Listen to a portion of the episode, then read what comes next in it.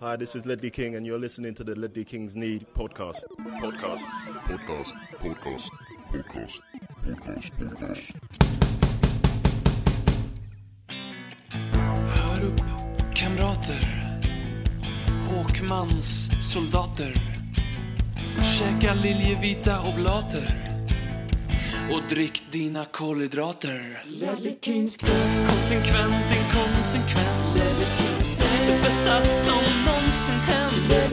Du kommer aldrig bli dig själv igen, min vän. Här flödar hybrisen. När vi poddar på nytt igen. Du kommer aldrig bli dig själv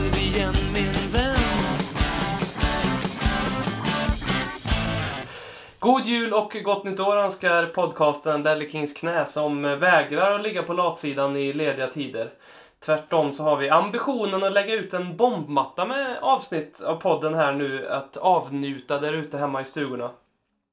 Vi är ju en podcast om Tottenham som har lite mindre blod på händerna än Marcos Alonso. Robin heter jag och med mig i Värmland, i mysiga Karlstad, staden som är galjonsfigur för trevligheter, så har jag med mig den äventyrslystne tänkaren Per Frykebrant. Tack så mycket. Du ska ju till eh, Kilimanjaro här alldeles strax. Eller Ja. du ska inte riktigt det. Din... Nej, min sambo ska klättra upp för det och jag ska vänta på, på botten. Du, har du har valt att inte göra den jobbiga Ex- delen av Nej, exakt. exakt. Så jag kommer liksom flyga upp sen med helikoptern och möta upp henne på toppen tänkte jag. Ja. Överraska lite. Men, ehm, ja men kul. Har vi, har vi egentligen, alltså vi har ju mindre blod på våra händer än, än, vad Marcus Alonso har. Men det kanske inte riktigt märks när man tittar på liksom, reaktionerna från, in, inte våra lyssnare, men från andra fans. Vi kommer in lite grann på det sen. Ja, Diverse Chelsea och Arsenal-fans. det är risk att det här, i alla fall en del av den här podden kommer ju vara, vad ska man säga, realistisk, kan uppfattas som negativ, men Mm. realistisk och kritisk framförallt mot Tottenham, det Tottenham vi såg mot Chelsea, när vi spelade in igår då, den Ja, exakt. Det ska, det ska, det, och det ska vi ju verkligen vara. Men sen ska vi säga det initialt här också att vi ska liksom ha en ganska positiv julton ändå, Ja. tycker jag. Ja. Eh, även om det liksom är väldigt svårt just nu i stundens hetta. Men det finns mycket positivt att se fram emot. Det gör ju det. Vi kan Nej, det gör börja... det inte. Men vi låtsas som att det gör det. Vi låtsas kan som. ju i alla fall, när vi pratar om de tråkiga sakerna kan vi ju le. För det är Ja. så stor skillnad. Det är en bra, det är en bra, det har man ju hört mycket, att man ska le. Mm. Så, så, ja, men det är väl det som Tottenham Sport. Har du sett den här också, den här nya TVn? Vi la upp den på Twitter. Som en sån här kickproof TV som man har Mm. utvecklat i Kina. Mm. Man kan ju också skaffa en sån. Mm. Ska vi kunna göra. Mm. Som, ehm, precis, som man då kan sparka på utan att den går sönder alltså. Precis, Mm. precis. Det skulle vi väl ha. Det, det här säger ju vi lite med eftersom att vi gjorde ett avsnitt med Erik Niva. Som Mm. eh, min bror, som är Arsenal-supporter. Eh, det är jävligt snårigt i min familj med lagtillhörighet, ska jag säga direkt. Ja, jag har ju verkligen. även en svåger som är Chelsea-fan. Och din, Eh. din far är West Ham. Ja, det är ju... Och min, och min mamma håller ju på alla lagen, säger hon. Så att det, ja.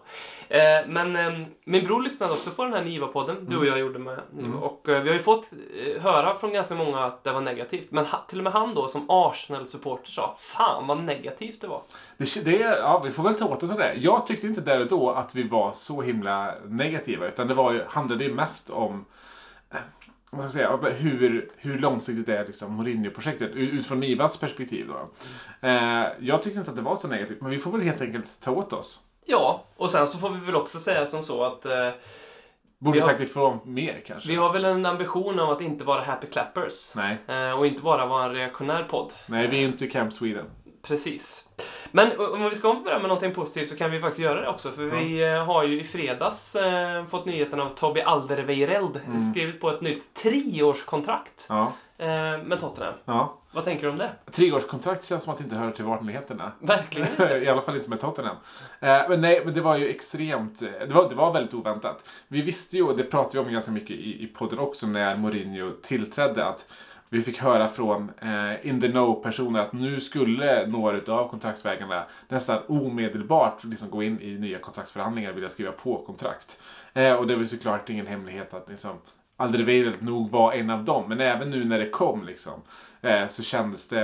Eh, det känns sjukt för vi har haft den här sagan i, jag vet inte hur länge det är nu. Är det, det måste vara över två år så vi har haft den här kontraktsagan med, med, med Toby. Han blev väl förlängd va? Någon, för vi hade, vi hade väl en klausul i kontraktet som var att klubben kunde förlänga med en säsong. Eh, och jag tror det var det som Ja. hände och det var det kontraktet han levde på nu. Ja, exakt. För jag tror att det var den liksom, klausulen som satte igång den andra klausulen med liksom, 30 miljoner pund. Eh, också där. Eh, nej, men, och det, det har ju sagts ganska mycket kring att när, när Pochettino fick sparken att Alderweireld var eh, överlycklig i princip. När han också fick se vem som skulle efterträda honom.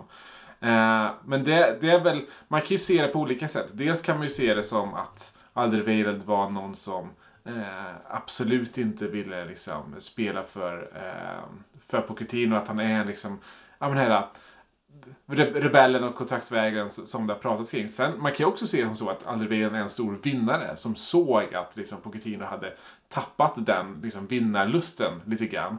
Och nu när vi fick en, en, en efterträdare som faktiskt var, verkar i alla fall vara lite mer, mer hungrig på titlar än vad Pochettino var där och då. Eh, att han då kände att han kunde skriva på ett nytt kontrakt. Man kan ju se det ut från båda, båda sidor liksom. För det här är ju inte ett kontrakt som var det här monsterkontraktet som han liksom som han letade efter. Det är ju på 150 000 pund, vilket är ganska, det är ganska mycket. Eh, men inte i de här liksom, stora liksom, summorna som, eh, som det pratades om att han skulle liksom, leta efter hos, hos ett Juventus eller hos ett, vad det nu än, nu än må vara, PSG. Eh, så, ehm, ja, det, kän, det känns som att säga, det blev ett rimligt avslut på liksom, den, den jävla sagan. Eventuellt så, ehm, så insåg väl han att han inte kunde få mer pengar någon annanstans. Vilket jag Ja, tycker men är verkligen. jättemärkligt. Därför Ja. att eh, om, om man tar City som ett exempel. De borde ju ha nypt honom med den situationen de har. Det Mm. är liksom som Roma. Jag skulle inte ha varit förvånad ifall han hade placerat i någon större klubb än så också. Jag tror Bayern München också lyckades Ja. lite om han.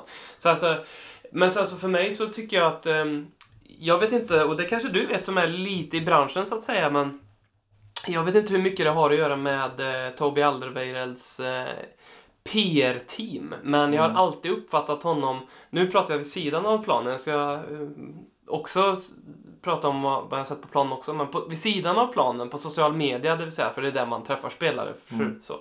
Eh, där har jag ju varit väldigt pro Tottenham. Mm. Eh, till skillnad då från Christian Eriksen som har väl varit raka motsatsen kan man säga. Mm. Öppenhjärtigt i intervjuer sagt att han vill göra något annat. Och Mm. Nu senast i veckan här sa han att han inte vill spela, sitta på bänken utan vill...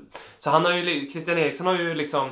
Han har ju pratat sig till att hamna på bänken och sen så när han väl hamnar där då går han också ut och gnäller om att nej men nu vill jag flytta på mig för nu sitter jag på bänken. Mm. Så han, är ju liksom, han har ju skapat sin egen lilla eh, saga om sig själv, Eriksen, för att komma bort från Tottenham. Men- Medan Toby Alderweireld alltid har kämpat på. Mm. Eh, alltid brunnit för att spela för klubben, trots de här eh, svåra tiderna och vaga kontraktssituationerna. Ja, nej, men verkligen. Alltså det, för det är helt, två, två helt olika liksom, situationer, eller scenarier nu. Som, alla som eh, liksom har följt den här liksom, eh, sagan har, är ju extremt glada över att Tobias skrivit på det här kontraktet. För han har ju hela tiden, han har ju varit den som har visat upp mest liksom, eh, vilja och kämpaglöd i Tottenham på planen. Utanför planen på sociala medier så har han liksom varit superprofessionell. Och även fast liksom kontraktssituationer har förmodligen skötts lika illa som det har med Eriksen. Förmodligen ännu värre, för vi ska ju komma ihåg varför han är i den här situationen. Det är ju för att liksom Pochettino propagerade för att han skulle få en rejäl löneökning för två år sedan. Eh, och lyckades övertala Livi till att Alderweireld skulle vara en av de här liksom chosen ones när det kommer till att få ett riktigt jävla maffigt lönepaket. Ehm, och när då Livio och teamet kom till Alderweireld och skulle liksom signa det här kontraktet eh, då sa eh, Alderweireld att nej men jag ska ha 25-50% mer än så. Eh, och det resulterade ju i en, i en fallout med, med hela klubben och framförallt Pochettino som eh, nog utmynnade i att de aldrig skulle kunna jobba tillsammans på samma sätt igen.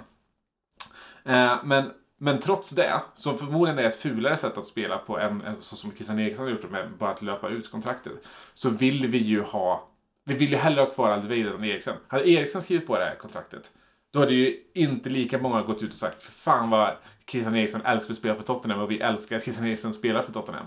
Men det gör man ju nu för att han har liksom så här, skött hela situationen så jävla professionellt uh, utåt sett gentemot supportrarna. Och det, är liksom, det är en bra påminnelse om att det, liksom, det svänger snabbt i fotboll. Att man inte ska liksom bränna sina broar allt för, eh, allt för snabbt. Vilket, vilket Christian Eriksen har, har gjort. Jag skulle ändå vilja nyansera bilden av Eriksen lite och komma in med ett, ett perspektiv som jag har haft. Även om jag ser det alla andra ser, att han inte presterar på planen och vad han säger i intervjuer. Ehm, jag tänker någonstans så här. Vi har två tränare som jag respek- respekterar väldigt mycket. Tycker olika om dem som person, Pochettino och Mourinho. Eh, som båda under den här stormiga tiden med oklarheter i hans kontraktssituation ändå har valt att spela honom. Eh, ibland på bänken. Ingen av dem har ju droppat honom helt eh, från, från så. Och det är ju, för, för mig så, eh, då tänker jag lite grann att här, så den bilden vi har som supportrar är troligtvis inte hela eh, bilden. Det här skulle lika gärna kunna vara en Eriksen som säger att jag vill verkligen göra mitt yttersta för klubben. Eh, Detta säger han då in- in-house. Och visar det på träningar och hur han beter sig kanske inför match i omklädningsrummet och alla sådana saker som inte vi vet någonting om.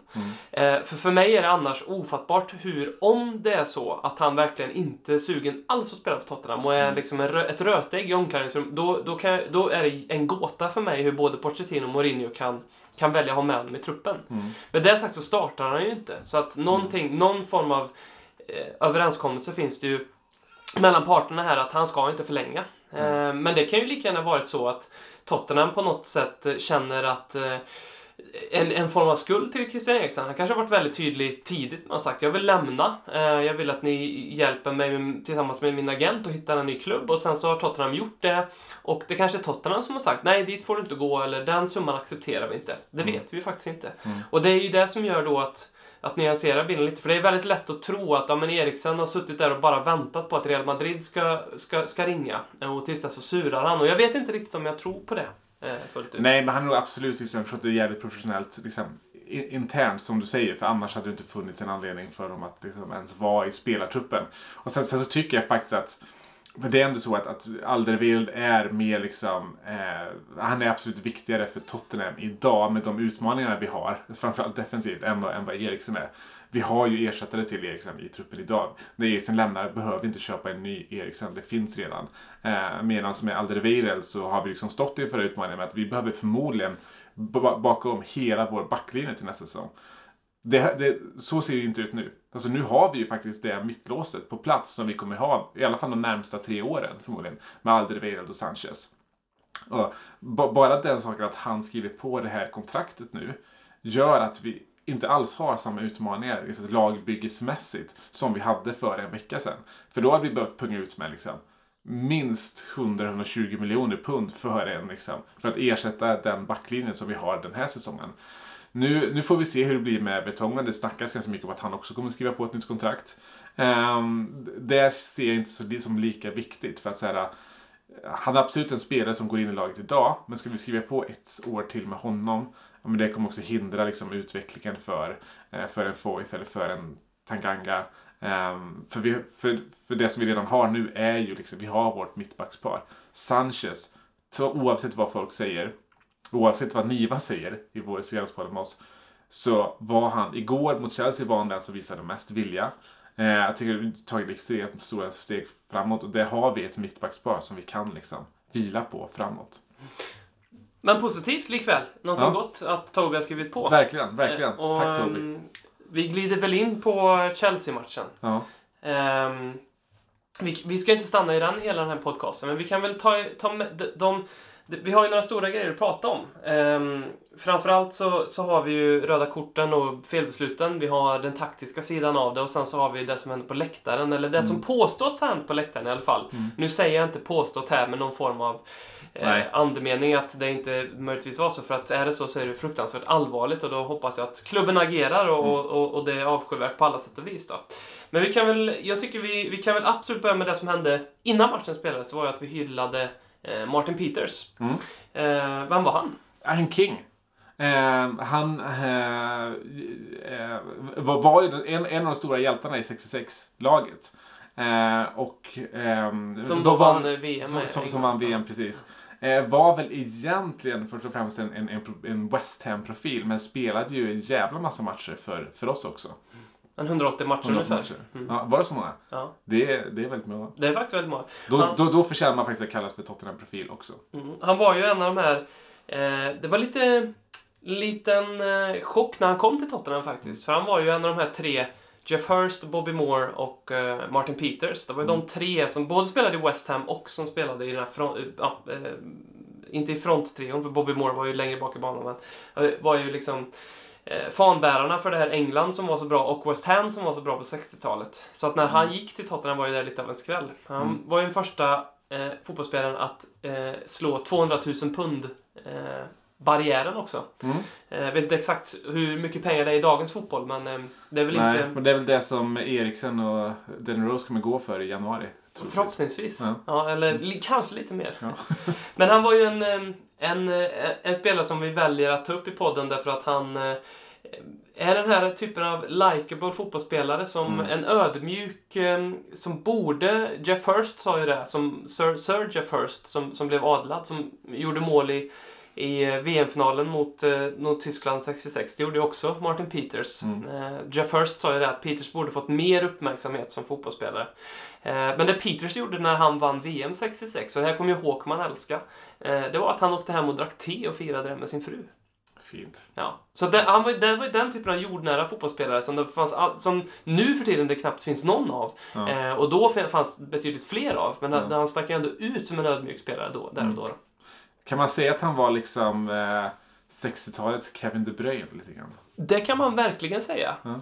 Eh, lite längre fram i banan var han väl, men kanske... Han var en eh, ytter, stor och stark. Kallades för Spöket. Eh, För att han tog sig in i straffområdet. Ungefär så som vi vill se mer av Dele Alli. Tog sig in på rätt ställe utan att någon märkte det i straffområdet. Så gjorde han rätt mycket snygga mål också. Mm. Martin Peters. Eller jag, by, jag byter till eh, 60-talets John Minson.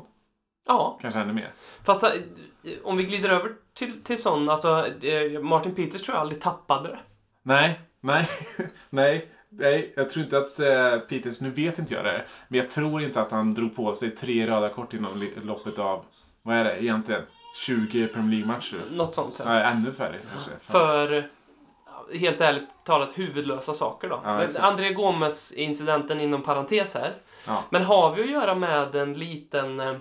Finns det en sida hos Son som eh, det finns hos Luis Suarez? Man kan ju se när man kollar på Suarez spela fotboll att han, han tappar. Han blir, så, han blir så arg och frustrerad så att kroppen spänner sig och så biter han bara närmsta person eller så gör han Mm. något annat. Och det är lite tendens till det, eller? Jag trodde nog aldrig att någon skulle jämföra Son med Suarez. Nej. det, det är nog ändå det första att göra. Ja. Alltså, li, men lite, lite så är det ju. Alltså, han har ju de här liksom, inom citationstecken hjärnsläppen. För de röda korten som han har fått. Nu, nu, nu behöver vi inte räkna med Gomes-situationen för den blev ju liksom eh, den blev ju reversed sen i efterhand med, med all rätt. Eh, men både det mot Bournemouth och det mot Chelsea igår är ju det är absolut reaktioner som, som eh, väl är ett rött kort för. Men båda situationerna är ju röda korten ett resultat av kraftigt skådespeleri från, från motståndarna också. Eh, och så hade inte de gjort det, ja, men då hade det inte ens varit liksom, gult kort förmodligen. Eh, sen med det sagt så ska det ju liksom vara rött kort för att i de situationerna, ja men alla spelar över. så att du ska ju inte sätta dig i de situationerna. Och båda gångerna har vi faktiskt förlorat poäng på det. Eh, det är inte det som att, eh, vi vi har oftast klagat kring liksom Eh, Oriers eh, liksom hjärnsläpp, eh, även i, i Chelsea, men han har också fått liksom röda kort. Det är ju faktiskt inte kostat oss på samma sätt som, som Sons röda kort. Alltså han har ju verkligen dragit på sig, gjort de här idiotiska sakerna i lägen han absolut inte får göra dem. Och det är ju, alltså den tajmingen han har haft i de röda korten är värre än de sakerna han har gjort. För det har på riktigt liksom kostat oss. Mm. Men jag, jag tycker det är väldigt eh, problematiskt för det, det skapar en sån dissonans hos mig med att Hengmen Son är ändå en, verkar vara en sån otroligt trevlig eh, kille. Ja. Och det är många som har sagt där och strykt under att han är en av de the nicest guys in football. Ja. Vi hör Signe här, min lilla dotter i bakgrunden troligtvis. Ja, hon gillar inte att det snackar skit om Son. Nej, det gör hon inte. Hon Eh, hatar dig för det. Hon hatar Tottenham också tror jag. Ja, ska vi prata lite om eh, hennes Tottenham-resa? Ja, det, det Föd- började Föddes strax före, eller strax efter... ju eh, 7-2 förlusten mot Bayern. Ja, Eh, Och sen den första matchen då hon upplevde var ju, om jag minns rätt då i alla fall, men det som jag minns när vi hade kommit hem från BB allt det här Ja. var ju när vi fick pisk 3-0 mot Brighton. Ja. Eh, Och jag satt och viskade i hennes öra då att eh, det här med, det här med fotboll och i Ja. synnerhet det här med Tottenham, det är någonting vi aldrig kommer att lämpa över på dig. Och det står jag fast vid. Ja, men det, det känns inte som att hon känner att du har liksom stått fast vid det. För att det känns att hon har ju all rätt i världen att reagera så här. Det, alltså det Tottenham som hon upplevt är ju förmodligen sämre än det Tottenham som du liksom växte upp med. Ja, ja. Alltså vi är ju sämre nu än vad vi var. Nu, nu, är, inte, nu är inte du född 98-99 men vi är ännu sämre just nu än vad vi var den upplagan som nästan åkte ur. Mm. Just nu. Ja, men för, att, för att återknyta lite till, till Son. Jag skulle också vilja, ni- det röda kort han får igår, det finns inga ursäkter för det. Jag kommer inte sitta här och säga så som Mourinho kanske gjorde då att eh, Mourinho, det, det kan ju också vara lite taktiskt eh, från Mourinhos sida, men i presskonferensen efteråt så sa, hoppades han att Rudiger eh, snabbt skulle återhämta sig från sina brutna revben och sen så tyckte han att och som det finns en liten uns av poäng i måste jag ändå Ja men säga. 100 procent. Alltså det är ju, det är ju, det, det, alltså det finns 100 procent en poäng där. För att jag, först, alltså folk klagar på att ah, nu är så här, Mourinho tillbaka. Det här är liksom det gamla vanliga, liksom griniga jävla Mourinho som vi är vant oss vid. Alltså jag ser det mer som så att innan han sa det där så var jag fullt fokuserad på liksom hur, eh, hur jävla usla vi var, vilka hjärnsläpp eh, som gjordes etc. När jag såg det sen, då tänkte jag jävla Rudiger alltså. Fan, hade vi inte fått det där röda kortet då hade vi liksom varit inne i matchen. Och sen så är det såklart att med, med, när jag tänker ännu mer så, så, så, så liksom fokuserar jag återigen på hur jävla dåliga vi var. Men han är ju bra, alltså han flyttar ju faktiskt fokuset där. Eh, så eh, oavsett vad man tycker om att det är liksom Grina Mourinho, han, han lyckas ju med det som är hans liksom, agenda med den. Och framförallt så sa han också någonting som också fick mig att tänka. Det var ju att han, eh, han berömde VAR för Gazzaniga-grejen. Vilket är helt... Alltså att Anthony Taylor i det läget när han såg det på plan kunde döma Ja. frispark till oss av den situationen. Det är, ju det är jättemärkligt. Eh, Så, så, såg du Sanchez eh, reaktion? Efter, för han, han, han springer, han är precis bakom eh, Mount var det väl? Eh, och... ja, eh, Marcus Alonso tyvärr var det. Ja, vad- Alonso. Ja, just det, just det. Det var ju det som var hela grejen. Att Gazzaniga försökte ta ut lite hämnd eh, på, på Alonso. För, för mänsklighet och mänsklighetens vägnar, ska sägas. Eh, men han eh, då liksom direkt så liksom sätter upp eh, händerna mot, eh, mot ansiktet och typ skriker vad fan gör du? Det är svårt att argumentera för att det är frispark till oss när Sanchez gör en sån reaktion.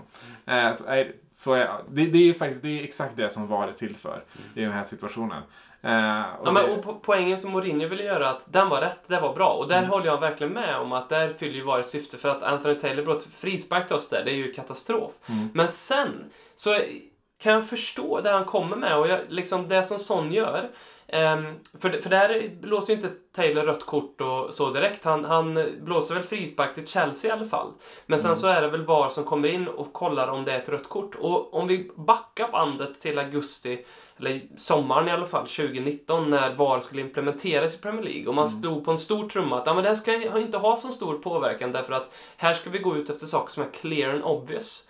Då tycker jag att Ja, är det clear and obvious rött kort? Ja, det är det när man ser en repris i slow motion på vad han gör. Men där och då i spelet, är det så clear and obvious? Jag vet Nej, inte. tycker- det är absolut inte ett clear and obvious rött kort. Alltså, ehm, ja han drar liksom, det är ungefär, folk har i vårt Twitterflöde dragit paralleller till Beckham-situationen 98. Mm. Eh, så, ja men det är exakt samma sak som, som Beckham-situationen. Ja, men i ärlighetens namn, är Beckham-situationen ett rött kort? Är det så folk? Absolut inte om du Nej. håller med. Nej, och, och så här, jag fattar absolut att man ger ett rött kort i den här situationen. Det är inte ett clear and obvious rött Nej, kort. nej. Eh, och det är, vi kom ut i andra halvleken och är lite bättre än första. Och det här liksom dödade ju alla som helst förhoppningar om att vända matchen. Det, det är ju absolut inte det där vi förlorar på. Eh, men det här understryker liksom än en gång liksom var problematiken. Eh, Och att eh, VAR hatar eh, John Min Son. För det var ju, han är ju den enda som har fått gult kort. Det var första gången vi hade VAR när vi hade den här matchen mot Rochdale var det va? I, eh, i Just det. cupen. Just. Eh, när han fick göra straffen som, och fick gult kort när han tog straffen för att han backade. Han är den enda i England som har fått, han är, enda, han är den enda i England som har fått gult kort för det. Sen har vi målet mot Leicester, glöms bort. Sen har vi det röda mot eh, Eh, mot, Gomes. mot, mot André Gomes, mot Everton. Där VAR inte går in och säger att det är ju clear and obvious, inte ett rött kort. Mm. Verkligen.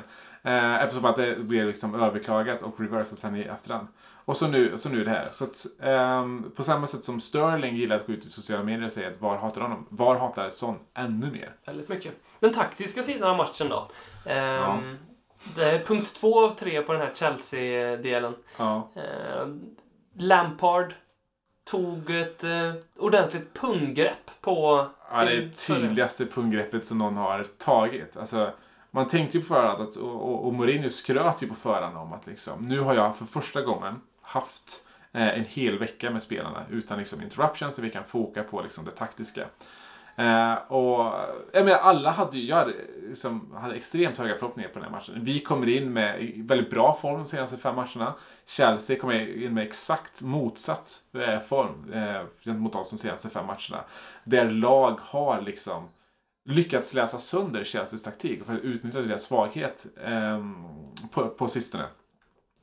Eh, och, och Mourinho ska ju vara, alltså vi, vi Pochettino var ju alltid liksom eh, anklagad för att vara clueless när det kommer liksom till taktiken. Och där skulle ju Mourinho vara hans, hans motsats egentligen. Han, skulle, det, han ska liksom vinna liksom, managermatchen i de här stora matcherna. Och, eh, och så, och, men det vi får se är att Lampard eh, tar det punggreppet på honom. Han eh, ställer om till en 3-4-3. Alltså han ställer om till en Conte-formation. De har spelat det, de spelade senast mot, mot Lille i oktober, tror jag. 2 oktober när de möttes.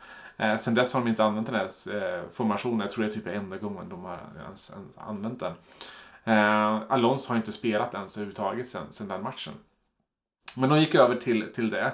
Och, och det som det eh, resulterade i då att man hade ju då eh, Alonso där på, eh, på kanten och eh, vilket Mourinho direkt då eh, adresserar i att Aurier ska då gå ner som en ganska traditionell högerback i, en fyra- fyra- i, ett, i en fyrbackslinje. Eh, och och, redan, där har vi ju liksom förlorat en stor del av taktikmatchen. Jag säger, vi använder inte Aurier till det han ska vara bra på utan nu ska han helt plötsligt spela defensiv högerback för att liksom adressera deras kantspel. För det var det som Lampard ville utnyttja. Han vill komma runt Tottenham. Så då måste vi liksom, då måste vi spela en ganska klassisk och rak eh, fyrbackslinje.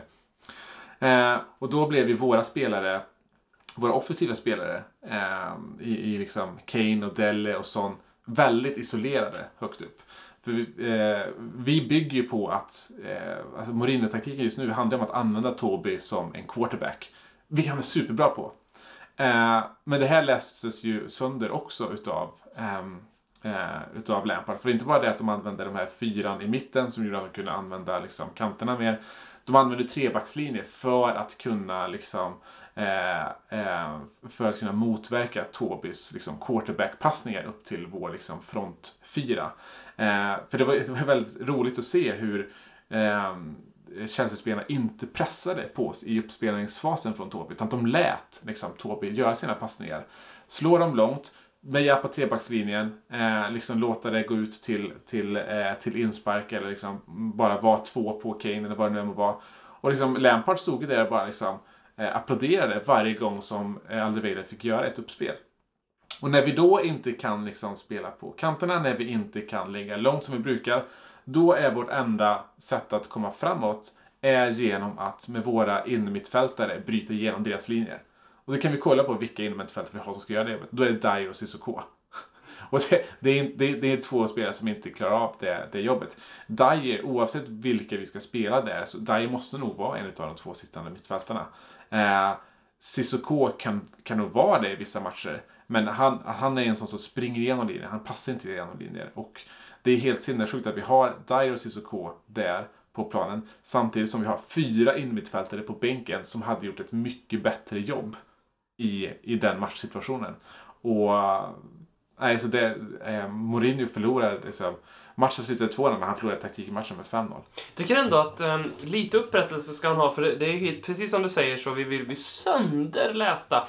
Och det var ju nästan, det var ju nästan tragiskt att se vilken, vilken total eh, genomskådning som Lampard eh, hade gjort på vårt spel. För det var ju jättetydligt som du säger att vi skulle slå långa bollar från Toby och, och, och det blev vi taget på sängen men när inte det funkade hade vi ingenting. Nej. Och det är ju att då i en match ha Dyer och Cissoko att förlita sig på, det, det innebär, vi, vi såg liksom flashbacks till den allra första fotbollen i början på 1900-talet. Den gick ju ut på att så fort en spelare fick bollen så skulle han ta den, springa och försöka dribbla sig förbi en tjock mur och så tappade han bollen, någon fick den och då gjorde den personen precis det motsatta. Det var ju så taktiken såg ut. Man spelade ju 1-1-8 liksom. All, alla 22 spelare var Cissoko. Ja, exakt. Mm. Och det var, det var det enda vi hade, 90-talet. för vi kunde inte Ja. göra någonting annat. För det fanns, dels fanns det en mur av Chelsea-spelare i vägen ehm, för att slå passningar. Mm. Och så sen dels så fanns det tre stycken väldigt djupt tajta mittbackar i Chelsea som vi inte kunde slå bollar förbi. Mm. Så, men men eh, att Eriksen kommer in, det är synd att det är just han. Ehm, jag tror inte att Lo Celso hade gjort det bättre. Eh, Men det var tydligt att när vi gick ut från andra... Jag tror att vi var på plan dessutom typ 10 minuter innan avspark. Jag tror att det, alltså Mourinho bara tog in dem, gav väl dem hårfön, sa Eriksson ska in, där ska ut, nu får ni fan skärpa er. Nu ska vi spela fotboll. Och det, det var ju ett annat Tottenham som kom ut. Men som eh, punkterades med eh, Heung-Min Sons röda kort. Och vi, såklart, Chelsea går ju ut i andra halvlek för att bevaka det här. Eh, och vi var ju, jag tycker vi var bättre med 10 man i andra halvlek än vad vi var i första. Men det var ju också väldigt mycket för att Chelsea inte ville ånga på och, ska, och, och, och öppna ytor bakåt. Ehm, utan ville ligga lågt och så. så att, lite upprättelse tycker jag att vi gör i andra halvlek, även om det var en väldigt dyster eftermiddag. Ja, eh, men alltså en, en, en liten uppryckning var det. Jag tycker att Eriksen de första liksom 5-10 minuterna, eller 15 minuterna, var, var, var en väldigt bra. Eh, och jag håller med dig om att så här, ehm, Um, Lo Celso inte hade kunnat göra samma jobb för, eh, för i, i de här situationerna så pratas väldigt mycket om att säga, varför ger vi Eriksen tid? Mycket kortsiktigt, alltså varför är vi så kortsiktiga? Varför ger vi inte Lo Celso tid istället? Men, men, men så, oavsett vad man tycker och tänker om Eriksen så han är ändå vi vet vad man får ut av honom när han, när han kommer in i en sån situation. Eh, jag menar, vi gjorde ju det, exakt det bytet mot, mot eh, Olympiakos hemma och det gav superbra resultat. Eh, och hade kunnat ge någon form av resultat om vi inte hade liksom, reducerats till 10 man. Eh, och, för man, man kan ju se det här matchen som att trots att vi gör faktiskt vår sämsta match på eh, den här säsongen. Alltså jag tycker att den här inställningen i matchen är sämre än liksom 2-7 mot Bayern. För då var vi i alla fall bra i en halvlek. Liksom. Eh, men det är ju så att vi har haft två, liksom, Morin har haft två stora tester mot United och mot Chelsea. Och båda de matcherna har vi inte dykt upp för fem öre. Eh, alltså motståndarna har kunnat demolera oss genom att spela på 65-70%. Eh, men alltså så här, oavsett det, trots att vi liksom har två hjärnsläpp vid båda målen. Eh, det är ett hjärnsläpp till vid 10 man. Trots det så är vi bara liksom, vi är de här hjärnsläppen ifrån att komma ifrån den här matchen med 0-0. Trots att vi spelar piss. Det är ju någonting positivt att ta med sig. För, Chelsea var Chelsea ska inte vara så här bra. Chelsea är inte så här bra.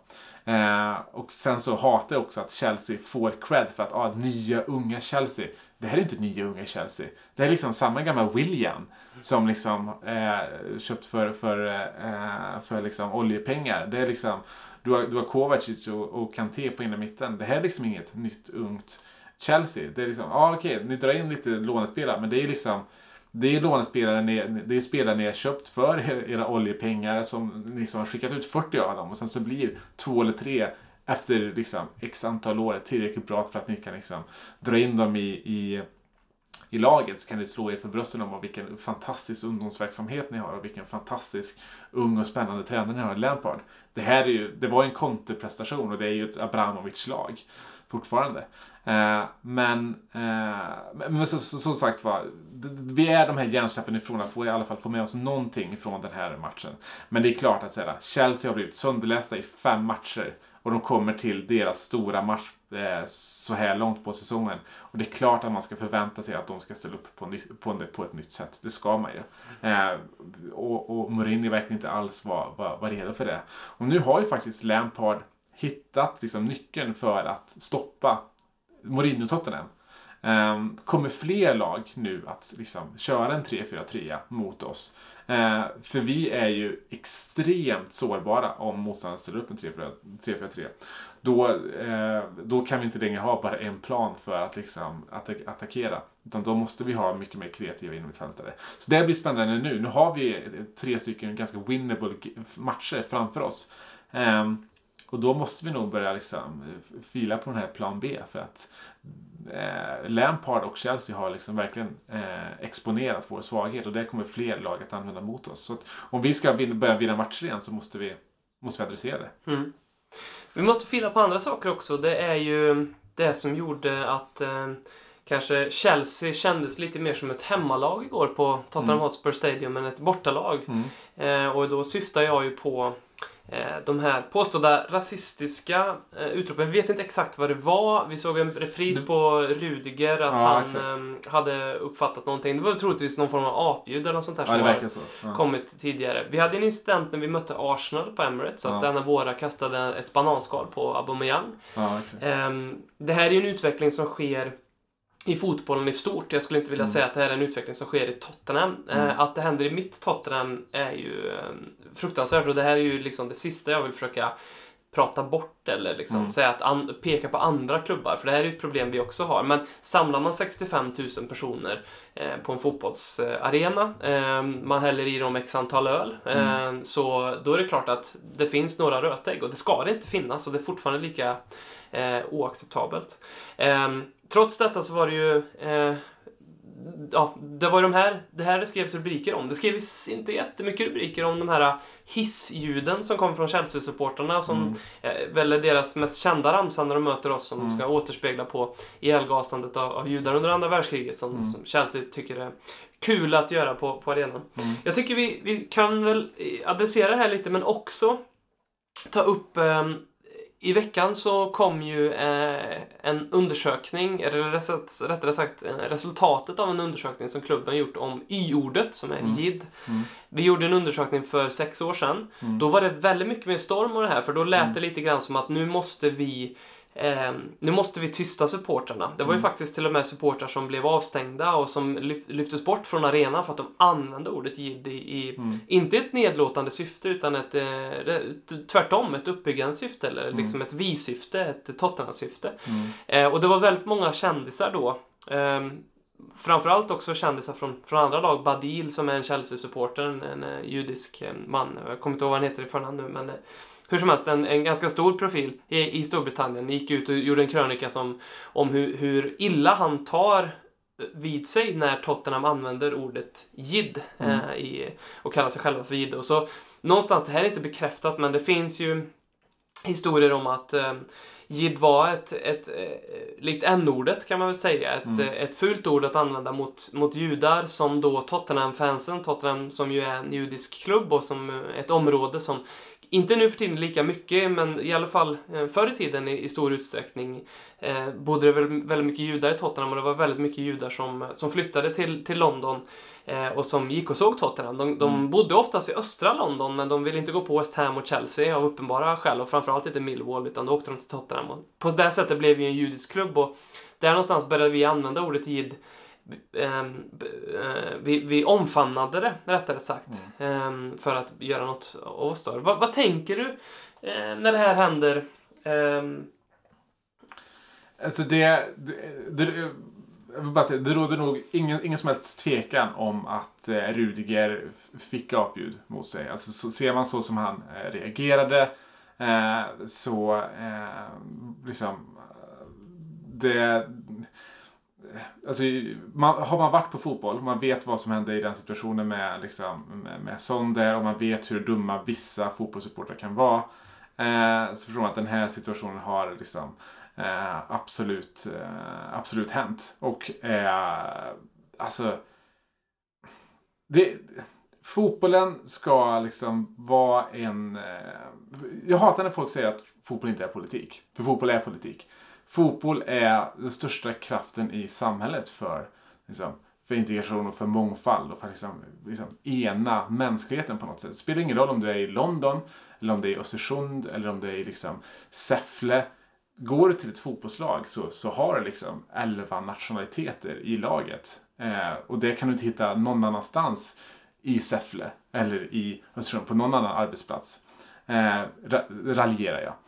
Eh, fotbollen ska vara en sån, eh, ska vara den, den kraften. Eh, det, det är det som är en av fotbollens viktigaste liksom, uppgifter i, i samhället idag. Därför blir jag så jävla arg när, när, när det här händer mot, eh, mot Rydiger, när, när, när Chelsea-supportrar gör gasljud eller när eh, vad det nu än, än må vara. För det är liksom, det är motsatsen. Man använder fotboll till motsatsen av vad det ska vara.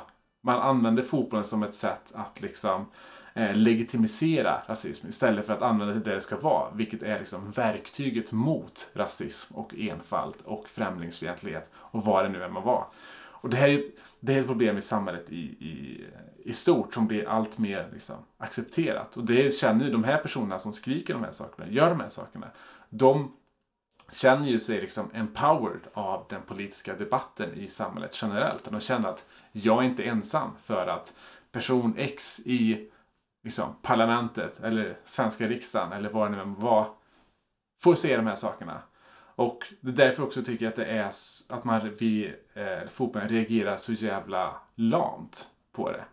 Ehm, nu har de liksom, ehm, det här är ju absolut inte ett nytt problem, men det, det, det, det uppmärksammas ju mer som att vi gör de här liksom announcements nu, eh, vilket man ska göra. Det är liksom new protocol för, eh, för, eh, för fotbollen. Eh, och, eh, men, men, men det görs ingenting. Alltså var, varför, varför bryter man inte liksom, matchen? För, förhoppningsvis var det nu så att det var liksom en eller två personer som gjorde det här. Och förhoppningsvis så blev de utpekade och liksom förvisade och eh, får inte vara på fotboll, fotboll någon gång igen. Förhoppningsvis var det så. Eh, men, men ta som i liksom Sverige mot, eh, mot Rumänien. Där kändes i alla fall, nu var inte jag på plats där, men det känns som att det liksom pågick under hela matchen. Varför, varför, varför bryter man inte matchen? Alltså, vad, varför, ska, varför ska vi... Alltså, om, om, om fotbollen inte bryter matchen, då, då är fotbollen en lika liksom, destruktiv kraft som det politiska klimatet generellt sett är just nu. Som också är det som liksom, tillgängliggör, eller som, som faktiskt legitimiserar att folk skriker de här sakerna och gör de här sakerna på, på arenan. Eh, jag tycker, så här, eh, folk kritiserar ofta så här, kick it out och de typen av organisationer för att inte göra tillräckligt mycket. Jag tycker att man ska kritisera dem för att i kampen mot rasism så eh, det behöver tas på olika nivåer. Alltså, det behövs ta på ett liksom, också en nivå där liksom, spelare bara går runt med t-shirtar och liksom, visar upp det. Det är inte där man vinner kampen, men liksom, det, den fyller sitt syfte. Jag förstår inte varför PFA, alltså spelarfacket, eh, är så lama i de här frågorna. Alltså hade jag, eh, hade jag representerat spelarna så hade jag liksom haft nolltolerans mot att behöva liksom, eh, spelare ska behöva liksom utstå de här sakerna på en fotbollsplan. Till och med Graham Souness har ju varit extremt kritisk mot PFA för att de, när han spelade, var alldeles liksom för liksom tafatta i, i att hantera eh, HBTQ-frågor till exempel. Eh, och så, så, så där skulle jag liksom vilja kräva. Nu finns det inget så här globalt PFA värld, så man får liksom rikta det här och nu till liksom engelska eh, PFA. Där hade jag gärna velat se liksom någonting lite mer konkret än att säga som nu bara ropa upp till högtalarna. Ja, det finns ju de som säger att eh, ja, men det är 65 000 personer på läktaren, eller 60 eller vad det nu var. Eh, och det är en idiot som skriker. Det ska man inte avbryta en match för. Men, Mm. Och jag kan förstå vart man kommer ifrån, för att på ett sätt så, så har man det perspektivet så tänker man väl någonstans att ja, ja, men det här är en idiot. Vi andra ska inte få vår dag förstörd Mm. eh, av detta. Vilket jag kan tycka är lite sunt. Men det, som du, precis som du väldigt träffsäkert säger här så vad är det, vad är det vi ska göra då? Eh, hur, får, hur, hur får vi... Jag tror inte att... Jag hoppas väl någonstans att de här personerna som är runt eh, och sitter nära den här personen som har gjort det här, att de reagerar väldigt skarpt och hjälper eh, säkerheten på plats att eh, förvisa ut de här person, den här personen eller de här personerna från läktaren. Det hoppas jag verkligen. Men jag tror att det civilkuraget får sig en törn när inte, som du säger, klubben eller arenan gör mer än ett utrop. För då blir det lite det här klassiska, men om det ligger en människa nere på, på marken ehm, så är det ingen som går fram dit förrän någon annan gör någonting. Och det är lite samma jag tror vi behöver. Vi behöver att matchen bryts. Det kanske inte är så att matchen bryts och, och och det blir walkover och den får spelas om med tomma Nej, läktare. Utan kanske en, en tio minuter eh, Ja men bryt det, sen så går du dit. Så, se, det var i den här sektionen. Så Ja. får man liksom gå igenom det och kasta ut om det är. Ja. Eh, och så får det, får det vara avbrutet i 5, 10, 15, 20, 30 minuter. Så lång tid det krävs. Men liksom, som jag sa, fotbollen ska vara samhällets starkaste kraft och verktyg för antirasism. Och då ska vi ha en, en nolltolerans mot det. Eh, vi, det, är liksom, det absolut, samlar du 65 000 pers så det är klart det kommer finnas rasister bland dem. Eh, men, men fotbollen är en av de liksom, eh, områdena där vi ska ta ett, ett kollektivt ansvar för att liksom, ta bort de rötäggen. För, för, för, för vi, fotbollen måste vara den kraften i samhället. För det finns ingen annan det finns ingen annan kraft som kan fylla fotbollens skor. Eh, på samma sätt som liksom, det är en, en, en, en, en kraft för, för, för mångfald och antirasism, om det är i Säffle, Östersund eller vad det nu än, vad det nu än må vara. Så fotbollen ska vara den, eh, den kraften. Och anledningen till att jag gillar eh, Tottenham, inte det, men, men, men, men, men en och annan, och det är klart att man är lite partisk i målet som man är Tottenham-supporter. Jag känner allt ändå så Tottenham, tot, jag vet inte om du håller med mig, men jag känner att Tottenham har stått ut lite i det här. Liksom, så här. För Tottenham har alltid varit offret för liksom, rasism och rasism mot, mot, gentemot andra supportrar. Chelsea-supportrarna gör gasljud, West Ham-supportrarna, eh, Arsenal-supportrar. Och då känner man sig, ja men vi är i alla fall inte som, liksom, vi är inte som, vi är inte som de andra. Vi, vi, vi har väl i alla fall liksom, eh, den här liksom, hjärnkapaciteten. Men, men det är klart att det inte är så. Det är klart att liksom, men har man varit på Tottenham och liksom under tiden Adebayor spelade där så liksom, det var en, det var en hel del så här, egna ramsor. Du menar när. Adebayor framförallt spelade i, i Arsenal? Nej, nej, när han spelade för oss. Ja, det är med. Mm. Alltså, även de ramsorna var liksom Mm. väldigt mycket borderline. Mm. Eh, och eh, jag menar, och, och, och, och motstånd, om vi kollar Twitter, liksom, sånt som skrivs om liksom, Son eller andra asiatiska spelare, det, är liksom, det känns som att var, liksom, varannan tweet är liksom, Mm. rasistisk.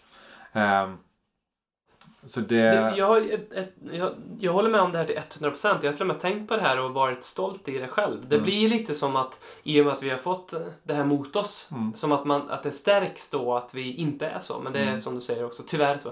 Men jag tänker på en sak.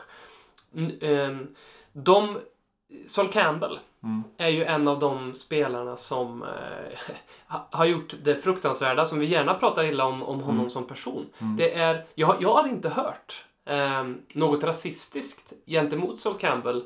Nej. Jag har inte sett det på social media, jag har inte sett det och hört det på plats. Det kan finnas de som bara eh, sätter kaffet i halsen när jag säger det här i podden, som lyssnar nu, som har, som har hört det. Och, och tyvärr är det väl så att det har förekommit, men han är ändå en av de, de, de, kanske den största svikaren i modern tid eh, som vi har haft. Mm. Eh, och de ransorna om honom är ju hemska.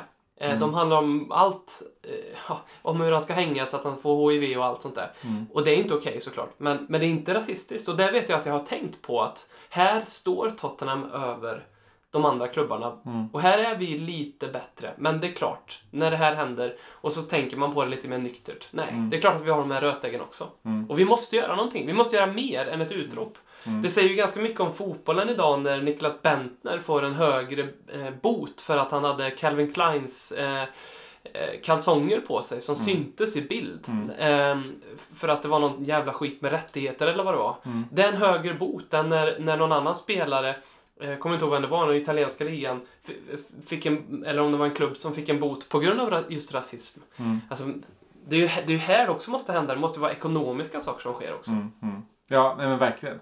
Och, eh, för jag vet inte, har inte, har inte FA, är det FA som har den här appen där man liksom pekar ut om någon skriker någonting eller eh, typ någon är på eh, rad tre och gör dumma Okej, saker. nej, det är möjligt. möjligt. För jag eller det kanske bara var så att man anmäler folk som står upp. Ja.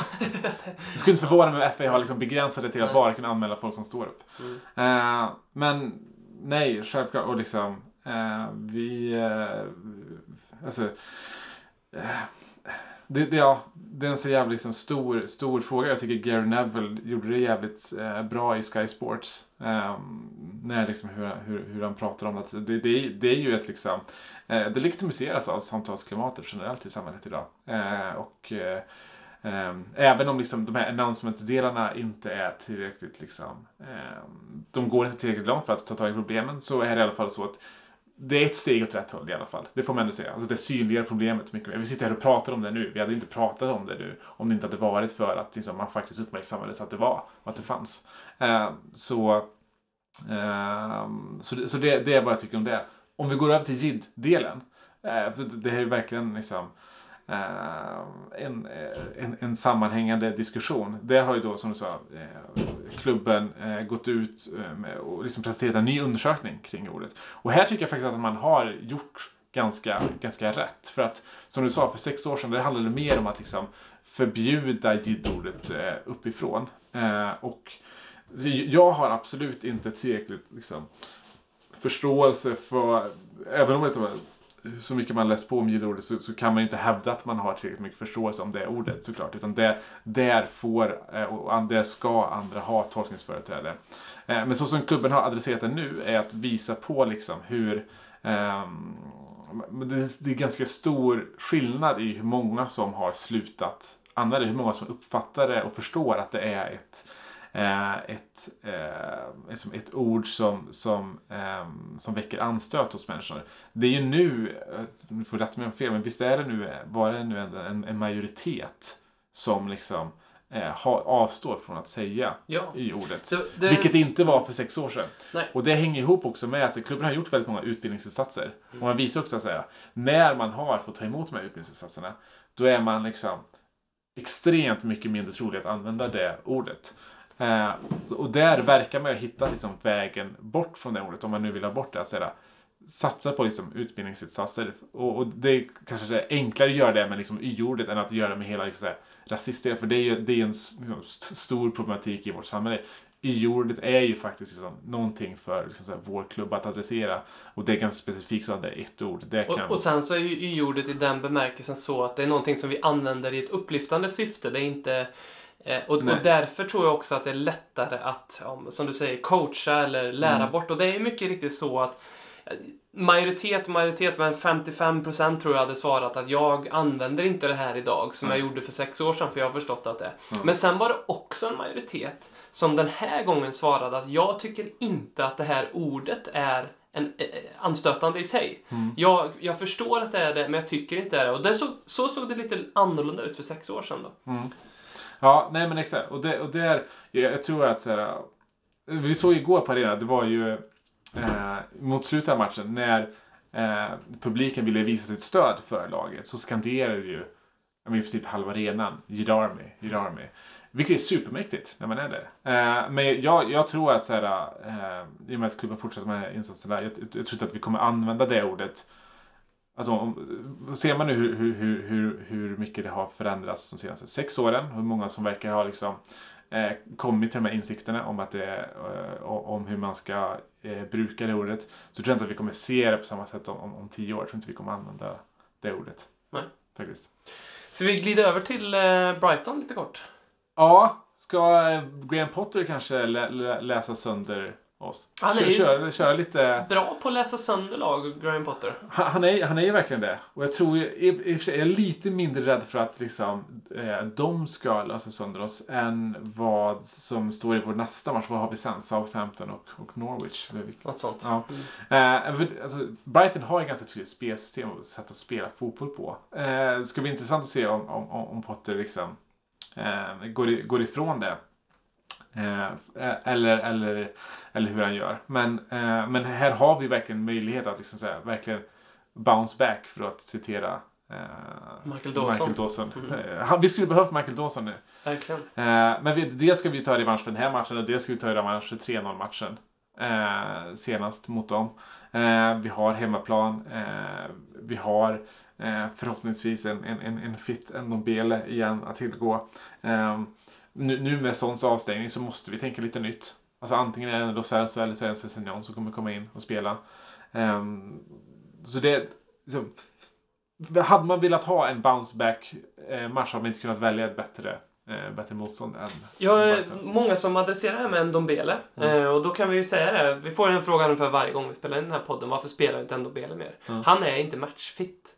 När han kommer in så ser ju... Vi hoppas att han inte är matchfit i alla fall. Nej, precis. För att är det något annat problem då... Då är det ju Mourinho som är problemet. Ja, men precis. ja. Men eh, det, det kan ju alla se när han kommer in och som han gjorde mot Chelsea så är han ju dominant. Jag får ju den vibbar Det är svårt att ta bollen av honom. Han är Mm. Ja. bra på att ut och han kan göra det som Dyer och Cissoko inte kan. Han Mm. kan hålla i bollen i pressade lägen, ta rätt beslut och han kan slå avgörande passningar. Han slog ju Mm. en boll in till Kane eh, eh, i matchens slutskede eh, där Kane hade ett jättefint, där Kane kanske borde gjort mål till och med. Mm. Eh, men eh, så, jag tänker, eh, alltså när jag, som man ofta, ofta gör som supporter, när man eh, tittar på truppen och inte står där och träffar spelarna varje dag och coachar dem och ser vem som springer mest på träningen och vem som är mest eh, uppåt i omklädningsrummet och så, så börjar jag liksom tänka vad är den bästa elvan vi kan ha? Då, då tänker jag så ofta på det här 3-4-3 eller 3-5-2 kanske så som, Mm. som känns.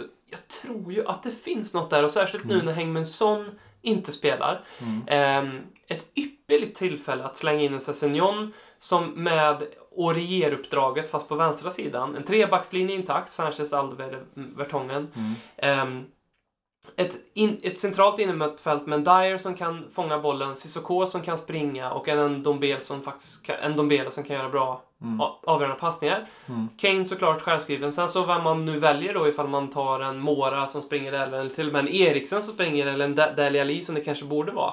Mm. Spelar nog mindre roll. Den uppställningen tror jag skulle vara jätteintressant. Mm. Men Verkligen. nu får vi väl återigen säga att det kommer inte bli så. Vi kommer ju se 4-2-3-1 mot Brighton. Ehm, troligtvis så kommer det vara Sessignon som går in för Son. Men det kommer ju vara i en, off- mycket mer offensiv position. Det kommer vara Vertongen som vänsterback, Aurier som högerback och mm. där Cissoko Kanske en Ndombele centralt. Mm. Eh, Ja, exakt. Och det, vad, vad gäller Tottenhams taktik här och nu, det är svårt att säga om det är liksom en, en ny Mourinho-taktik som vi ska köra på. Och han, vi får absolut ge Mourinho, alltså att han förlorar taktikmatchen. Vi får ge honom lite benefit of the doubt. För det är klart att han har bara haft en månad på Mm. sig. Det, det är kanske för mycket att begära att man som ny tränare ska vinna liksom, taktikmatcherna efter, efter bara en månad. Eh, trots att man är liksom den Mourinho som han faktiskt är. Eh, men, men, men det som han har gjort bra är att här, under Pochettino så har vi under två år har vi inte en enda gång spelat samma elva två matcher i rad. Och är det någonting som, som Mourinho har gjort när han har kommit in och sett det, det är att säga ja okej, ja, men vi, vi har en uppställning som spelar på våra styrkor, vi utnyttjar våra styrkor och sen så håller vi eh, det konsekvent så att bygga upp spelarnas eh, självförtroende. Och det, det är det han har gjort nu. Alltså, jag tror mångt och mycket det som spelarna har saker, någon form av konsekvens i laguppställningen. mm. Eh, och, och det, det tycker jag att han har gjort helt, eh, helt rätt. Även fast inte det är i den här matchen den optimala uppställningen så tycker jag att han har gjort helt rätt i den, liksom, den strategin nu. Eh, men nu har ni verkligen ett, ett, ett fönster, ett window of opportunity att, att gå ifrån det lite i och med Sons avstängning. Eh, och, eh, och i och med att säga att det är så tydligt att det här innermittfältsparet inte, eh, inte håller för att liksom, eh, eh, sätta igång en plan B under en, under en match. Vi fick en fråga från Micke här. Jag bara flickar in den här nu i våran eh, chattgrupp som vi ska Ja. komma in på lite mer sen. Eh, Mourinho har ju varit konsekvent. Ja. Kan det ha gjort att... Eh, eller rättare sagt så här, Mickes perspektiv på frågan är mer, är det verkligen så att de förstår vad som eh, rollerna i det här nya Mourinho-laget innebär? Eh, det, det, var, det har ju absolut tagit ett tag. Jag tycker att en sån som Mora som har, känns... Om, om Pochettino var liksom clueless vad gäller taktik så har ju Mora varit det gånger två. Under Pochettino i alla fall. Han är i alla fall liksom... Ja men de första matcherna känns som att han känner sig ganska lost i Mourinhos system. Men han har ju liksom verkligen tagit det till sig. Känns det som. Re, re, rent taktiskt så. Ehm, jag vet inte om, om, om spelarna tagit till sig det, men det var ju det som var problemet, eller sades vara problemet under Pochettino. Att det, det, var alldeles för lite konsekvens för att förstå vad han vill upprätta, uträtta under, under matcherna. Eh, så, alltså, eh, det, det, om, om det är ett problem under Mourinho så var det absolut ett problem under Pochettino också. Eh, men det är klart att man ska inte underskatta det faktum att han har inte haft förrän nu en, en, en hel vecka att träna med spelarna. Eh, och han hade ju sagt själv att det är i princip, alltså hans första tre veckor det var ju det var ju knappt, han hade inte en enda liksom, träningspass med hela laget. Liksom. Eh, så eh, det är väl svårt att se att så här, man ens skulle kunna ha förutsättningar för att förstå exakt vilken typ av fotboll som Mourinho vill spela. Eh, positiva som vi ska vara i juletider Ja. ehm, så tror jag att, att vi kommer städa bort Brighton. Ja, Nu är hoppas. det Århundradets jinx givetvis där. Men, Ja, men vi är eh, ju Jinx-podden. Vi är ju det. Så att jag, jag- jag, tror verkligen det. För jag tror att eh, det vi såg mot Chelsea var nog mer taktik eh, och att Mourinho kanske gick bort sig. Eh, han kommer elda upp spelarna inför den här matchen. Mm. Det är en match där vi förväntas och som har passat oss bra med Mourinho att spela mer offensivt. Vi såg hur vi pulveriserade Burnley till exempel. Eh, och jag, jag tror det är den, den, den matchbilden vi kan förvänta oss. Ja, precis. Men vi har ju liksom tre stycken väldigt winnable games nu in, innan vi har eh, Liverpool i början på nästa år. Eh, och det här verkar ett sätt för oss att liksom, eh, dra igång den här topp 4-striden igen. För Okej, okej, vi gick från att liksom kunna ta över topp 4-positionen till att vara 6 poäng efter oss. Men det är någonting som de senaste veckorna har lärt oss är att det svänger jävligt snabbt. När Mourinho tog över så var vi 12 poäng efter. Inför den här matchen var vi 3 poäng efter. Nu är vi 6 poäng efter igen. Alltså vinner vi de här tre matcherna så vet vi inte riktigt var vi står igen. Förmodligen är vi tillbaka på kanske 3 poäng eh, eh, igen. Och då, då är det liksom, eh, då är racet igång igen. Eh, så vi har eh, vi är ju traditionellt sett, den här truppen som vi har nu är ju traditionellt sett väldigt bra under julperioden. Vi har ju aldrig under julperioden, de senaste tre åren i alla fall, förlorat mer än en match.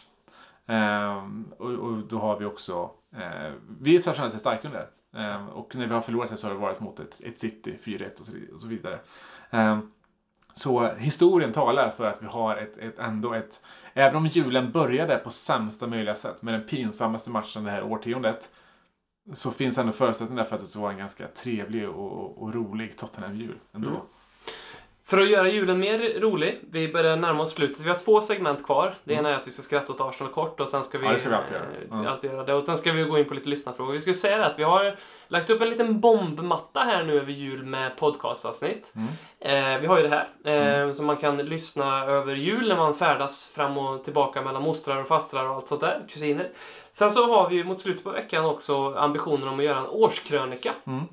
Eh, vilket är precis vad det låter som. Eh, vi ska dissekera 2019. Mm. Prata om de där eh, sakerna som vi självklart minns, men försöka också hitta de där sakerna som eh, man kanske har glömt bort. Mm. Eh, därför vill vi, eh, och vi kommer basunera ut det här på sociala medier också, men vi vill väldigt gärna ha lyssnarnas inspel på de mest minnesvärda sakerna som hände 2019. Mm. Kan vara positivt, kan vara negativt. Det första man tänker på är såklart Lukas Moras mål mot Ajax. Mm. Eh, men har Det kommer vi ta upp tror jag. det kommer vi ta upp. Ja, ja. Eh, Just Audi Cup eh, Det kommer vi också ta upp, tror jag ja. vi kommer prata om. Men det finns ju mer. Eh, Och det, det här vill vi leta i i gömmorna där ute. Mm. Eh, så kommer en årskrönika. Och sen så kommer ju också såklart snart också ett transferspecial. Är det någonting vi vet att ni vill lyssna till så är det ju transfergossip i silly-tider. Ja. Och då blir det ju under januari eh, vi kickstartar i januari någon gång, där, någon gång där med att prata om vilka spelare vi bör värva. Vi pratar om vilka positioner vi bör förstärka, Ja. vilka vi bör sälja, rubbet. Ja. Så. Ja, men eh, det känns skönt att liksom äntligen få börja snacka transfers igen. Det, det, det är roligt för eh, Pochettino, eller Mourinho och Livi har ju verkligen snackat ihop sig vad gäller budskap kring värvningar. Alltså,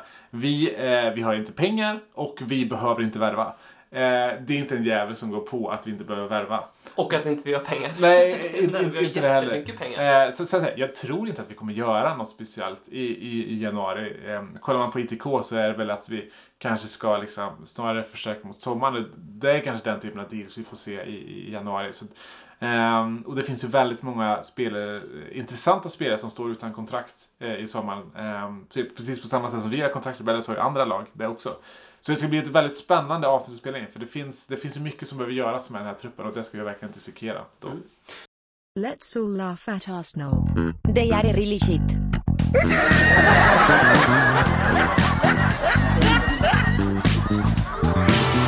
I have seen traffic lights that have stayed red longer in North London. Vad har du att ehm, skratta åt Arsenal om? Eh, ja, förutom det att de har ersatt eh, Fredrik Ljungberg med eh, Fredrik Ljungberg, får man ändå säga. Typ en mindre erfaren Fredrik Ljungberg, nästan ändå. Eh, så är det väl att, eh, vad var det, när de utsåg Arteta så det första eh, deras kaptens Aubayangs brorsa gjorde var att eh, håna Arteta. Mm, på, på Arsenal Fan TVs Instagram. Ja, exakt. Han är, äh, Aubameyangs bror har även en sån här blå bock på Instagram, det vill säga att han är en verifierad person. Ja. Eh, vilket ju gör, det, ju, eh, det påverkar ju algoritmerna på något vis. Ja. Så att den personens inlägg syns ju före liksom Mm. kanske Kalle Kulas eh, inlägg i Östersund som går in och fyller, skriver att eh, någonting. Ehm, så att det är så fruktansvärt huvudlöst eh, att göra. Men sen så är det så kul att eh, just att det är Aubame- Aubameyangs bror som gör det, för han är fan kapten. Eh, alltså, det, det, det går... Ingen hade brytt sig om Callum Chambers liksom eh, styvfarsa. Nej, det hade inte blivit någonting. Nej. Det här är Aubameyang som tar bort honom från Arsenal så är de nedflyttningskandidater. Ja. Och så är han också kapten. Jag hoppas att han lämnar det. I, i, i, det kan bli väldigt intressant Ja. Men skulle- skulle tänk vilja- dig om Keynes fru bara kommit ut Mourinho suger. Ja, men Ka- Kane har ju en bror. Hade, Det är ju exakt Ja, samma exakt. sak. Hans agent. Hade Ja. Keynes bror, jag vet inte vad Keynes bror tycker om Mourinho, jag skiter i vilket. Ja. Han har skrivit något på Instagram, han hade ju skämts. Ja. Mm. Alltså, så extremt mycket. Och jag, ja. Eh, Så det här måste vi håna Arsenal för. Vi måste också håna Arsenal för att deras fans på riktigt trodde att Pochettino skulle gå till, till, till Emirates och ta över. Nu är det jättelätt för oss att säga det här eh, eftersom att det här inte har skett. Mm. Och det här är podcasten som basunerar ut att José Mourinho givetvis aldrig kommer att träna Tottenham. Mm. Ehm, men, men Pochettino skulle aldrig ta Arsenal, det har vi sagt från dag ett det ryktet kom ut. Nej, men det, det, alltså, det, deras självinsikt är ju, det är, den är ju sinnessjuk. Alltså, hur man kan ha alltså, den självbilden. Eh, trots att de, de, de är ju som du säger, de är ju utan Aubameyang så är de ju nedflyttningskandidater. Eh, och eh, för, även med honom så de har gjort, de har gjort lik, färre mål än Villa nu va? Eh, eller lika många mål som Villa. Eh, och eh, eh nej, det, det, det, det, så, vi har sagt det många gånger om. Eh, men i de här tiderna det går dåligt för Tottenham. Det är sån jäkla tur att vi fortfarande har Arsenal med oss och kunna skratta åt. För det gör livet så mycket enklare. Tack så jättemycket Arsenal för att ni finns. Tack.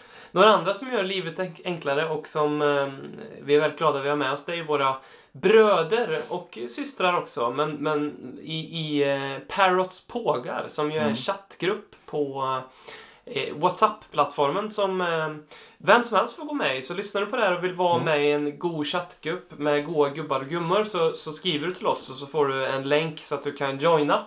Ehm, Sveriges största Tottenham-chatt. Ja, det, nu låter det lite som piss i egna leden, men det finns, för det finns ju eh, Tottenham Sweden Chat Forum om du har stött på det på, på Ja, Facebook. Ja.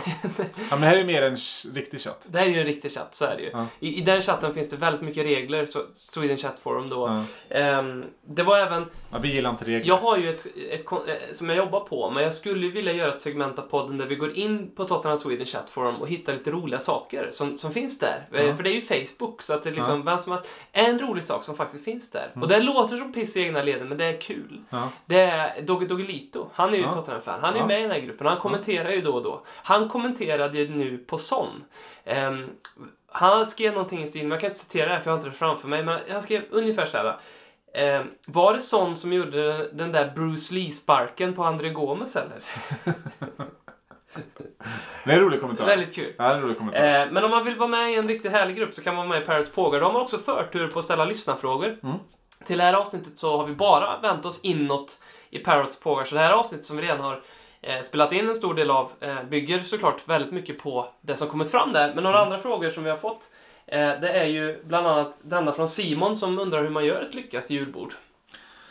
Oj, jag, jag tycker att man ska ehm, eh, lägga, lägga in lite sådär, inte så traditionella saker. Alltså, vill, vill man ha till exempel, ehm, ehm, eh, man, man behöver grönkål till exempel. Men istället för att köra stuvad grönkål så kan man köra grönkålspizza. Intressant. Ja, Och vet du vad man kan göra med pizzan? Nej. Man kan göra pizzan på blomkål. Man kan göra blomkåls... Ah. Eh, väldigt hipster nu. Blomkåls och grönkålspizza. Exakt. Ja. Och så kan man toppa det med lite rödkål. Okej. Så har man kål, kål, kål-pizza. Wow. Ehm, nej, men jag har helt med dig. Ehm, prinskorv tycker jag man ska ta bort. Ehm, Ja. För den, den är på många sätt förkastlig. Eh, och så ska man givetvis inte ha någon ansjovis i Janssons. Eh, och Janssons är också någonting som jag tycker att man borde laga fler gånger på ett år. Ja, Jan, på Jansson är det bästa det, är ju, julbordet. det heter ju nästan alltid potatisgratäng när det Ja. inte är på ett julbord. Men man borde göra Janssons oftare. Ja. För det är, är det som är julbordet. Och sen är det sill. Mm. Och nu när vi ändå pratar sill så skulle jag vilja slå ett slag för wasabi-sill. Mhm. Som, eh, på tal då om att lägga in något annorlunda, passar kanske bättre på midsommar. Men eh, vill man ha något annat, jätteenkelt att göra själv. Köp den här klassiska fem minuters sillen, vad den heter, som man kan göra själv. Mm. Köp wasabi, majonnäs tror jag man har. Ingefära kan man också säga. Mölj ner det där och så låt det stå lite. Jättegott. Mm. Eh, Du kommer bli en king, Ja. som Martin Peters. Exakt. Vill satsa på, I år kommer jag satsa mycket på vargtass. Det är Mm. också liksom ett måste, Mm. tycker jag. Vad är det för de eh, icke-värmländska lyssnarna? det är varg, vargtass. En, en liten sylta, Mm. typ. Mm. Skulle jag säga. Här äter vi även grisfötter i Värmland. Ja, men det, det, det, det, har, det har jag liksom växt ifrån. Mm. Lite grann. Grisfötter. Det, är- det, det, det, är ingen, det är ingen favorit längre. Eh, Jocke undrar om vi har någon i akademin som kan bli vår frälsare. Ehm, och då, det har vi ju. Vi har ju några uppenbara namn. Vi har ju Troy Parrott såklart. Mm. Ehm, men jag har tittat lite på tre killar som, som jag tror, som inte det pratas så mycket om. Mm. Som jag inte skulle vara så förvånad om de, de får lite speltid. Mm. Den första är då J. Neil Bennett. Mm. Känner du till han? Ja, jag tror jag vet att vi har pratat om honom eh, förut någon gång. Men jag tror att han gjorde, var det i, eh, jag tror han gjorde mål all, de fem första matcherna i U23. Något, Tror jag. det är mycket möjligt, men han gjorde också... Han är ytterspringande. Ja, han gjorde ju även det första målet någonsin på Tottenham Hotspur Stadium. Just det, just det. Ett riktigt vackert mål Ja, också. Han kan bli någonting. Ehm, sen har vi Paris Maghoma. Mm, ja. Eh, bara det att han heter Paris. ja. Eh, Lite kul. Mm. Men Paris Hilton var ju liksom under många år min, min kändiscrush. Ehm, lite white trash att ha. Det är men, eh, väldigt white. Alltså det är mer, det är mer white trash än att liksom samarbeta med Monster. Är att ha en, en crush på Paris Hilton. Ja, det hade jag många år. Vem tror du blev lycklig när det fanns en film? Ja, det, Ja, det var jag. du. Det var. Men Paris Maghoma eh, har, har ju två bröder. Mm. Christoph, Christian och Jacques. Eh, som Mm. också har gått i leden som inte har lyckats. Men den här killen verkar det finnas någonting, eh, en offensiv mittfältare som gör en del Mm, mål. mm. Och sen då Harvey White. Ja, just det. Just det. Box-to-box mittfältaren. Ja, skrev eh, precis på nytt kontrakt va? Ja, nu tänker du på han eh, vänsterbacken som jag glömt namnet på. Men, ehm, Mm. men det, ja, det kan vara så att Har- Harvey White faktiskt... eh, För Harvey White också eh, fick ju faktiskt spela vänsterback under försäsongsturnén här också. Det var väl egentligen en brist på, på annat. Mm. Eh, men, eh, nej men absolut. Och, och Bennett är väl den som det pratas liksom mest om här och nu. Och sen så är det ju Harvey White. Eh, också och eh, nej men vi har, vi, har ju, vi har ju bra grejer på, på gång. Mm. Så. Men det, det, det är synd att man inte liksom ser, ser mer på, på, eh, på våra yngre förmågor. För eh, är det någonting som skulle pigga upp en i sådana här tider så är det ändå våra, våra junisgäng. mm. Har du någonting avslutande juligt att säga? Eh, nej. Utan eh, jag, eh, jag säger som eh, Daniel Levy sa på, på eh, de hade ju julfest här i, i veckan. Så det var han och Mourinho på scen. Eh, så sa att eh, Levy sa att det enda jag önskar mig av tomten i år är topp 4 och en titel. Jag ser ingen anledning för att liksom önska mig någonting annat. Mm. Men jag kan berätta en liten anekdot. Jag måste ta Ja. den på engelska. Ja. Ehm, om, när, ja, om, när, om när José Mourinho eh, träffade... Nej, förlåt. Om när Daniel Levy eh, träffade eh, José Mourinho eh, och på den här julfesten. Ja. Så började de prata då och då frågade José Mourinho Daniel, what, what you gonna buy... Nej, ja precis. Daniel, what you gonna buy your wife this Christmas? Ja. Och då svarade Daniel Levy, I'm gonna buy her a, a, a nice ring and, a- and a really nice car. Ja. Mourinho frågade, jaha okej, varför då? Well, if she don't like the ring she can always uh, drive the car back to the store and, and, and give the ring back. Mm. Okej, okay, Okej, Okay. Och så frågar Livy Mourinho då, Mourinho, Jose, what you gonna buy your wife? Uh, och Mourinho svarar då, I'm gonna buy her a pair of slippers and a dildo. Uh, och då svarade Daniel Levy, jaha, uh, okej, eh, why, why a, a pair of slippers and a dildo? Well, um, if she doesn't like the slippers she can go fuck herself.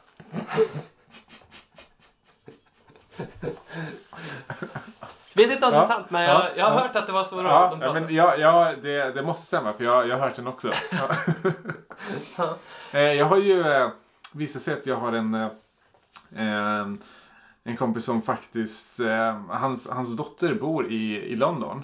Eh, och väldigt bra, bra kompis med hans, eh, med Mourinhos dotter. Eh, så tydligen är han väldigt liksom, eh, gemytlig person. En sån som till och med liksom, ringer och gratulerar. Eh, och, eller i alla fall smsar och gratulerar eh, dotterns kompisar på födelsedagar och namnsdagar och vid jul. Oj, Så, ja, fint, det ska, han- det ska han ha. otroligt. Trots att han ger sin fru sådana där paket. Ja. Tack så jättemycket för en eh, trevlig podd. Mm, tack själv. Konsekvent, inkonsekvent Det bästa som någonsin hänt Du kommer aldrig bli dig själv igen min